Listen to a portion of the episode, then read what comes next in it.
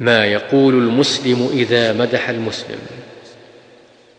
قال صلى الله عليه وسلم إذا كان أحدكم مادحا صاحبه لا محالة فليقل أحسب فلانا والله حسيبه ولا أزكي على الله أحدا. أحسبه إن كان يعلم ذاك كذا وكذا.